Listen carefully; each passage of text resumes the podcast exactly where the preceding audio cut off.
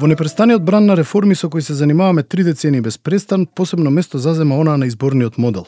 Македонските политички елити уште во 90-тите години тргна од мнозинскиот модел на парламентарните избори, а во 1998 година решија да експериментираат воведувајќи го мешовитиот изборен модел. Во 2002 се чинеше дека конечно се одлучивме и го воведовме пропорционалниот изборен модел со шест изборни единици по Донтовата формула, која требаше да обезбеди доволна застапеност на сите партии во шест изборни единици, но не и преголема расцепканост на мандатите со цел колку толку да се обезбеди некаква политичка стабилност во државата. И кога мислевме дека прашањето е решено, помалите политички партии се побунија дека ваквиот модел ги фаворизира големите партии, дека е дискриминирачки и дека ги разделува гласовите на помалите партии на неколку дела, што придонесува кон неможност за освојување мандати. И целата дебата се отвори за различни можности повторно. Ова пред се подразбира три основни прашања. Прашањето на бројот на изборни единици, прашањето на изборниот прак и прашањето на формулата по која се пресметуваат мандатите. Се разбира, секој од партиите, поголеми или помали, фаворизира различна комбинација на овие три основни елементи, согласно својот интерес и математика. Ако кон ова се придодаде и се погласната дебата за отворените листи, јасно е дека работата почнува сериозно да се компликува. Убава идеја, демократска несомнено, но идеја која сериозно предизвикува страв поради големото ниво на демократска култура која бара од граѓаните, но и сложената логистика која дополнително ќе оптерети Државната изборна комисија. Се чини дека нема промена на изборниот модел во ниједен аспект која нема да донесе покрај придобивките и одредени ризици. А тие придобивки и ризици се врзани за моделот на локалните избори, председателските избори, родовата рамноправност на листите, остварувањето на пасивното и активното гласачко право на лицата со попреченост и така натаму и така натаму. На ова исклучително сложена, но интересна тема денес говориме со професор доктор Марко Картолица од Правниот факултет Јустинијан први при УКИМ во Скопје и Александра Крстеска од Националниот демократски институт, организација која активно вклучена и ангажирана во македонското општество и по прашањето на изборите и изборниот модел.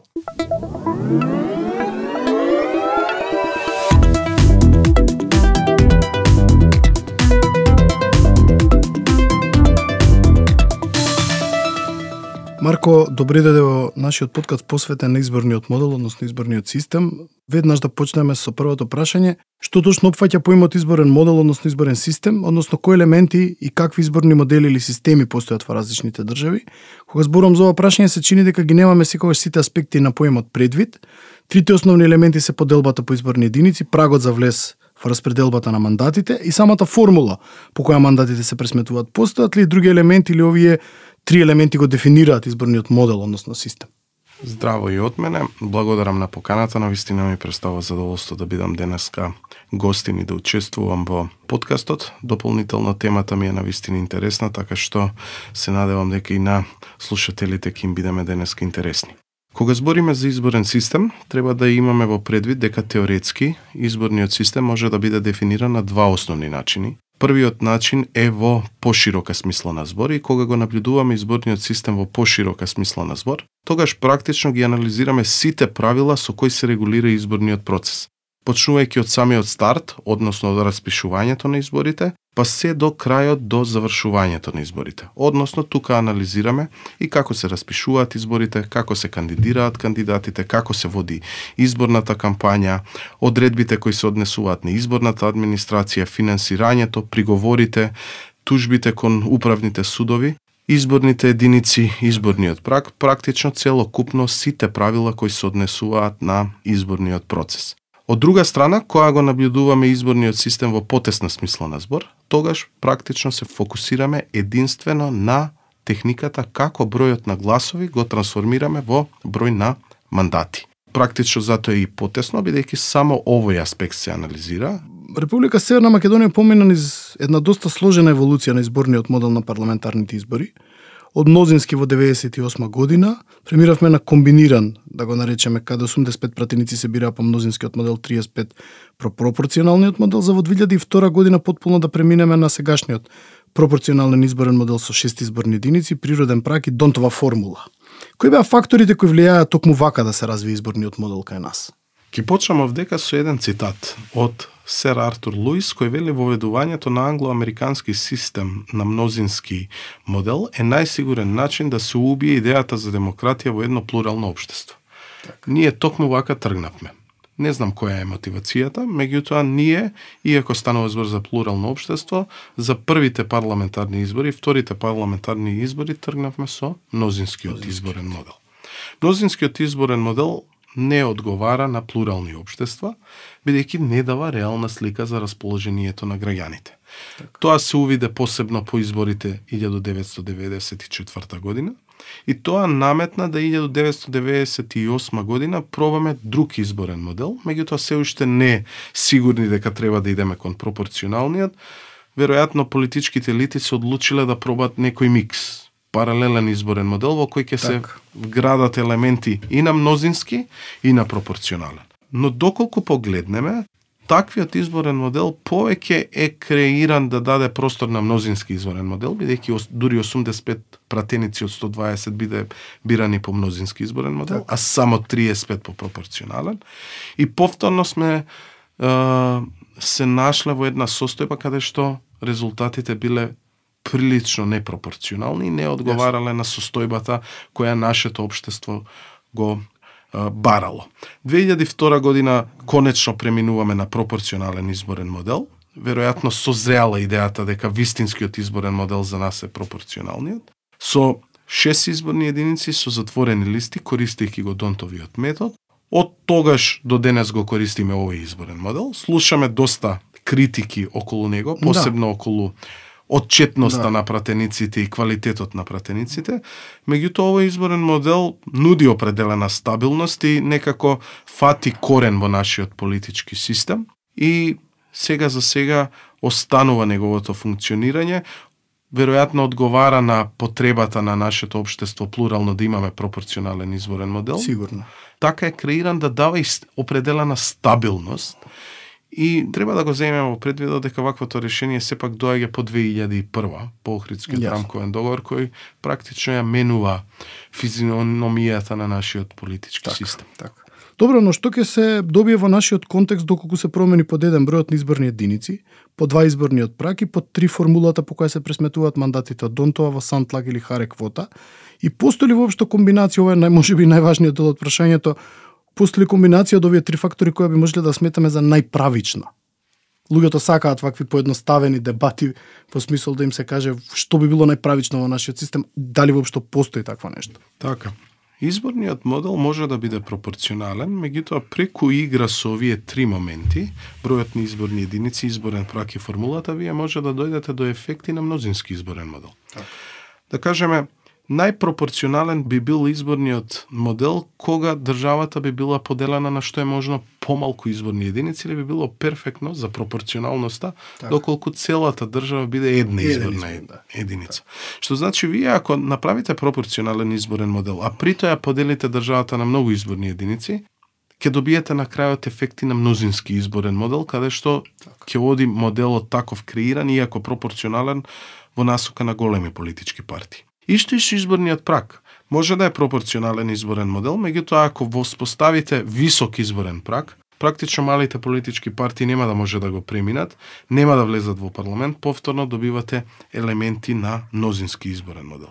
Доаѓаме до моментот на формула Различните формули одат во корист на различни политички партии. Донтовиот метод оди во корист на големи политички партии. Сент Лаге оди обично на средни по големина, да.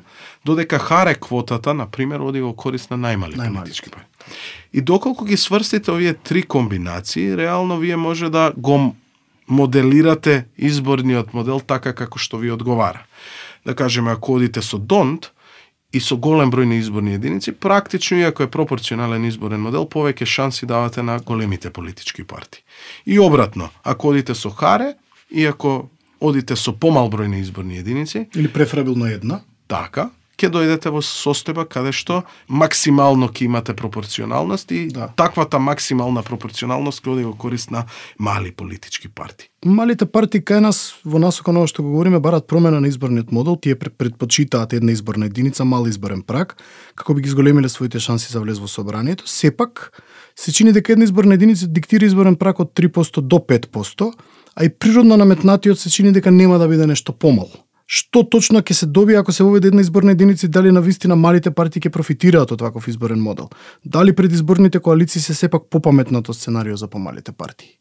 Доколку одиме со една изборна единица и при тоа нема изборен прак, тоа одговара на малите политички партии и тогаш предпоставам дека малите политички партии наместо да одат во предизборни коалиции, ќе одлучат да одат самостојно на избори и така да си ја пробат шансата. Меѓутоа, една изборна единица неминовно наметнува прашање за изборен прак. Во таа насока, клучно прашање висина на изборен прак. Ние овде спомнавме 3 да. до 5 проценти. Да по мои истражувања, се што ќе биде над 2% изборен прак, дури и кога е една изборна единица, ќе биде полошо решение за малите политички партии, отколку моменталното решение што го имаме со 6 изборни единици. Го кажувам, извини што те прекинувам, го кажувам во перспектива на тоа дека во најновите дебати последнава година во врска со промената на изборниот модел се чини дека трите големи партии, изборам за ВМРО, СДСМ и ДУИ, би прифатиле една изборна единица, меѓутоа ништо под 3 до 5% изборен праг во таква ситуација не би прифатиле. Значи големите условуваат дека би се сложиле со една изборна единица, но само под услов да биде 3 до 5% како што и самиот истекнато е прилично високо. Точно. Таков изборен праг уште повеќе нив ќе им одговара, бидејќи малите политички партии 5% па ќе биде практично невозможно да, да тоа ќе биде веќе превисоко. А ако погледнете во теорија, 5% често се сретнува како изборен Абсолютно. прак. Значи, не е некое решение кое е во крајна непознато, да. непознато и во крајна нужда се се користи. Напротив, често е како решение дури имаме состојби каде што изборниот прак оди над 5%. Што значи во оваа насока да, една изборна единица ќе биде во корист на малите политички партии, Меѓутоа изборниот прак веројатно ќе определи дали една изборна единица ќе оди во корист или не. И уште една работа, оно што јас сум го правил како истражување, доаѓам до сознание дека една изборна единица, дури и без прак, со Донтов метод, помалку оди во корист на мали политички партии, отколку шест изборни единици, ама со користење на харе квота. Так. Што значи, так. квотата по мене е многу по-релевантно прашање за малите политички партии, yes. отколку бројот на изборни единици yes. кај нас. Сосема за крај, во перспектива на се поголемата разочараност во демократијата и политиката на глобално ниво па и кај нас, соодветно на тој намалената излезност на сите видови избори, се постава едно прашање. Треба ли да се укине прагот од 40% излезност на председателските избори кај нас?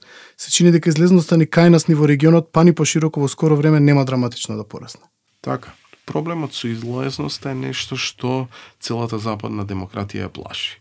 Ако погледнеме во Обединетото кралство по Втората светска војна, излесноста била негдека околу 84%, за денес да зборуваме околу 67. Так. Значи практично значителен пат. 15 до 20% негдека сме ги изгубиле. Ваквите решенија, каде што ќе бараме определена излазност, не го лекуваат проблемот по мене не се вистинското решение, затоа што прашање на време е кога таа цифра вие нема да може да ја постигнете так. и ќе влезете во институционална криза. криза. Тоа е нешто што нас до година ќе ни се заканува сериозно при избор на председател, бидејќи евидентно е дека кај нас на изборите последни парламентарни 2020 и локални 2021 значително гледаме пат на излезноста 10-15% во споредба со предходните избори. Така што по мене политичките елити час поскоро треба да пристапат кон одстранување на овој услов за да превенираме ситуација каде што нема да може да се избереме председател. Идејата дека треба да има некој процент на излазност се брани со идејата дека председателот во оваа ситуација треба да поседува поширок легитимитет. Легитимитет, така е. Меѓутоа, нашето решение, ако веќе трагаме по легитимитет, за мене е логично дека би требало да бараме 50 плюс 1, да кажеме барем дека мнозинството партиципирало Ваквото решение нити имаме состојба на 50 плюс 1, да кажеме дека мнозинството на вистина учествувало на, на изборите, а од друга страна оставаме отворена врата да блокада ни се случи. Јас би рекол, ако веќе сакаме легитимитет, окей, нека биде 50 плюс 1. Јасно. Подготвени да го прифатиме ризикот дека нема да имаме избор на председател. Вакво некое средно решение, решение нити го добиваме моментот на легитимитет, а остануваме со опасност дека блокадата ќе се случи, која 2024 за мене е многу реална. Така. И се заканува, како што и самиот каже.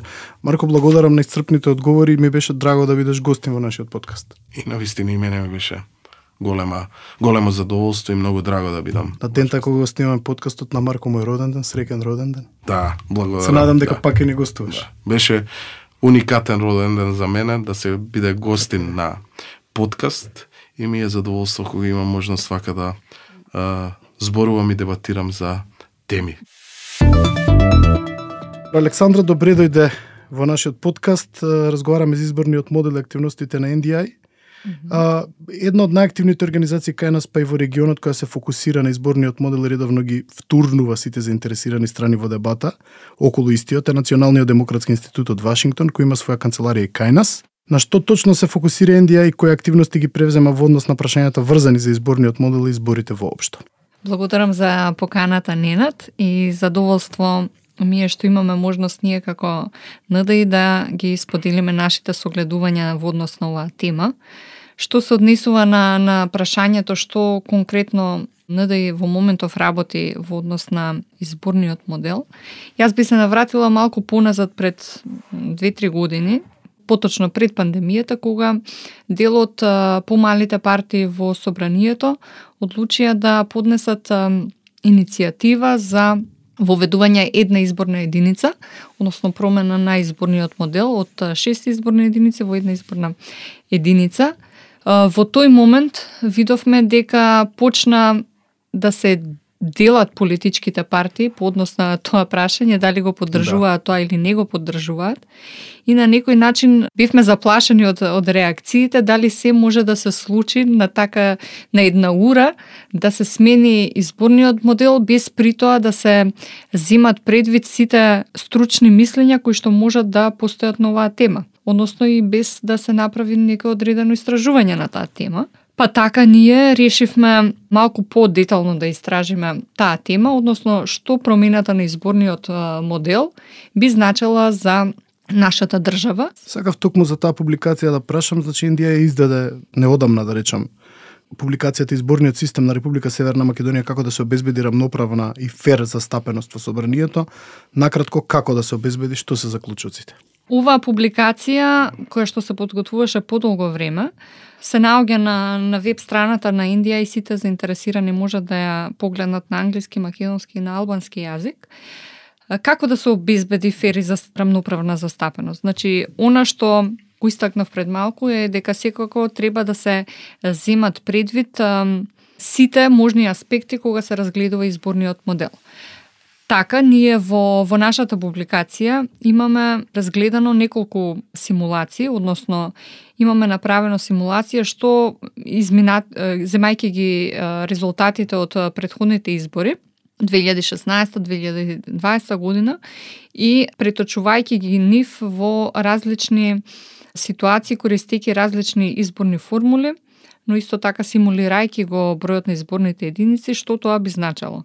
Што тоа би значело во однос на застапеноста на политичките партии так. во собранието, што да. тоа би значило во однос на застапеноста на а, жените и а, на одредени други заинтересирани групи. На неодамнешната тродевна конференција која се одржа пред отприлика месец дена се чини дека се собраа сите поголеми и помали политички партии и дебатира за изборниот модел, Со сета почит кон разликите кои се јавија во таа прилика, на што точно беше фокусирана дебатата, Дали повеќе се зборуваше за бројот на изборни единици, изборниот праг или формулата по која се пресметуваат мандатите, особено на парламентарните избори, дојдоа ли партиите до некакви заеднички заклучоци?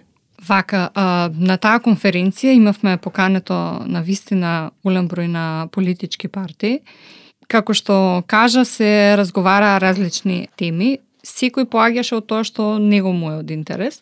Па така помалите политички партии, нели пред се дебатира за потребата да се премине кон една изборна единица и се дебатираше во однос на прагот. Но од друга страна, секако ја имаме и а, стручната фела која што разгледуваше и други опции. Сега од една страна ги имаме малите партии кои што стриктно бараат една изборна единица, при тоа не земајќи ги предвид сите можни слабости кои што можат да се појават при тоа или недостатоци, додека нели од другата страна имаме истражувања, имаме а, стручни експерти кои што можат да дадат поширока лепеза на опции Така. кои што би требало а, да ги префатиме. Да, таа тродневна конференција вроди со плод. Донесовме заеднички заклучоци од страна на партиите кои што ги објавивме по завршувањето на таа конференција на 16 март и можеме да кажеме дека она кон што се согласни политичките партии е пред се да се донесат во собранието сите технички препораки кои што се наоѓаат во извештајот на ОПСЕ и ОДИХР, односно сите се согласни во однос на тоа. Сите се согласни дека дискусијата во однос на подобрување на изборниот модел треба да продолжи. Тука особено Така, ќе ќе се истакне а, застапеноста на мажите и жените 50-50, да се разгледа вклучувањето, гласањето на диаспората и секако сите се согласни дека треба на државните институции да им се зголемат а, капацитетите, пред се тоа значи нели финансиски ресурси за зголемување и подобрување на капацитетите, но секако и а, техничка поддршка на Државната изборна комисија, на Државната Тоа се комисија. аспекти што ни бегаат малку од А, да. од така, предвид. Така да. И сосема за крај, какви видни активности ќе преземе Ендија и со цел дебатата за изборниот модел да не застане повторно? Што е следно?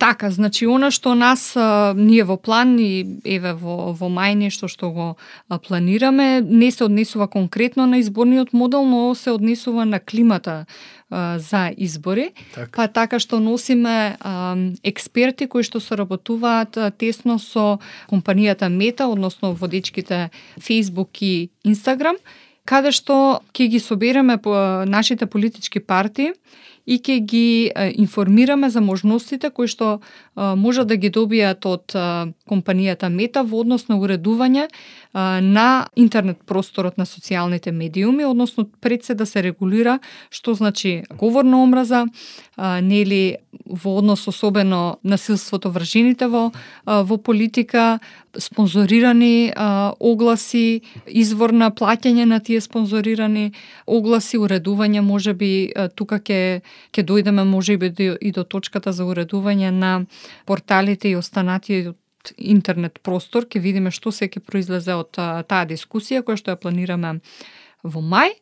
Но исто така нешто што ни е во план е исто така да го разгледаме и финансискиот аспект во однос на вклучувањето на другите групи во општеството, така што ќе разгледуваме дали постојат финансиски поттици за зголемена зголемено учество на жените во политика и како тоа некој го има направено во другите држави. Например, знаеме дека има ограничен број држави во светот, например, каде што има загарантирано место за лица со попреченост. Така што ќе ги разгледуваме овие аспекти и ќе работиме на такво истражување во моментов, а еве денеска добивме информација дека има некое поместување во однос на заклучоците кои што ги донесовме на нашата последна конференција, е тоа е дека веќе Министерството за правда работи на пречистен текст на изборниот законник кој што се очекува по а, великденските и рамазанските а, празници да биде донесен во а, собранието, да помине на законодавна правна комисија и тоа да послужи како основа за работа на работната група во склоп на Министерството за правда, каде што секако Индија ќе продолжи да ја поддржува таа работна група и понатаму. Многу успех во понатамошните активности и ти благодарам за гостувањето. Благодарам Ненад, беше задоволство. Повеќе од јасно е дека изборниот модел е фундаментално демократско прашање. Неговата функционалност и моќ фери реално да ги отслика гласовите на електоратот е секогаш во правец на што поголема представеност на различните обштествени слоеви и групи. Сепак, преголемата расцепканост на мандатите, особено на парламентарните избори, може да биде вовет во политичка нестабилност и неможност за формирање влада на подолг рок. Сценарио кој го сведочивме во барем една соседна неколку европски земји во последната деценија. Токму затоа потрагата по вистинската мерка на нештата е тешка и макотрпна. Но како и да заврши оваа потрага, едно не смее да се изгуби од вид. Изборниот модел ниту е виновен, ниту може да ги реши предизборната корупција, нечесните кампањи, мегаломанските ветувања, бугарските возови, групното и семејно гласање, подкупот на гласачите, а најмалку може да го реши погрешниот избор. Изборниот модел може да ни помогне покоректно и почесно да ги распределиме мандатите. Тој за жал не е решение за тоа како се однесуваат носителите на истите. За такво нешто лекот ќе го бараме во некој од следните подкасти. Дотогаш, поздрав и гласајте паметно и по правила.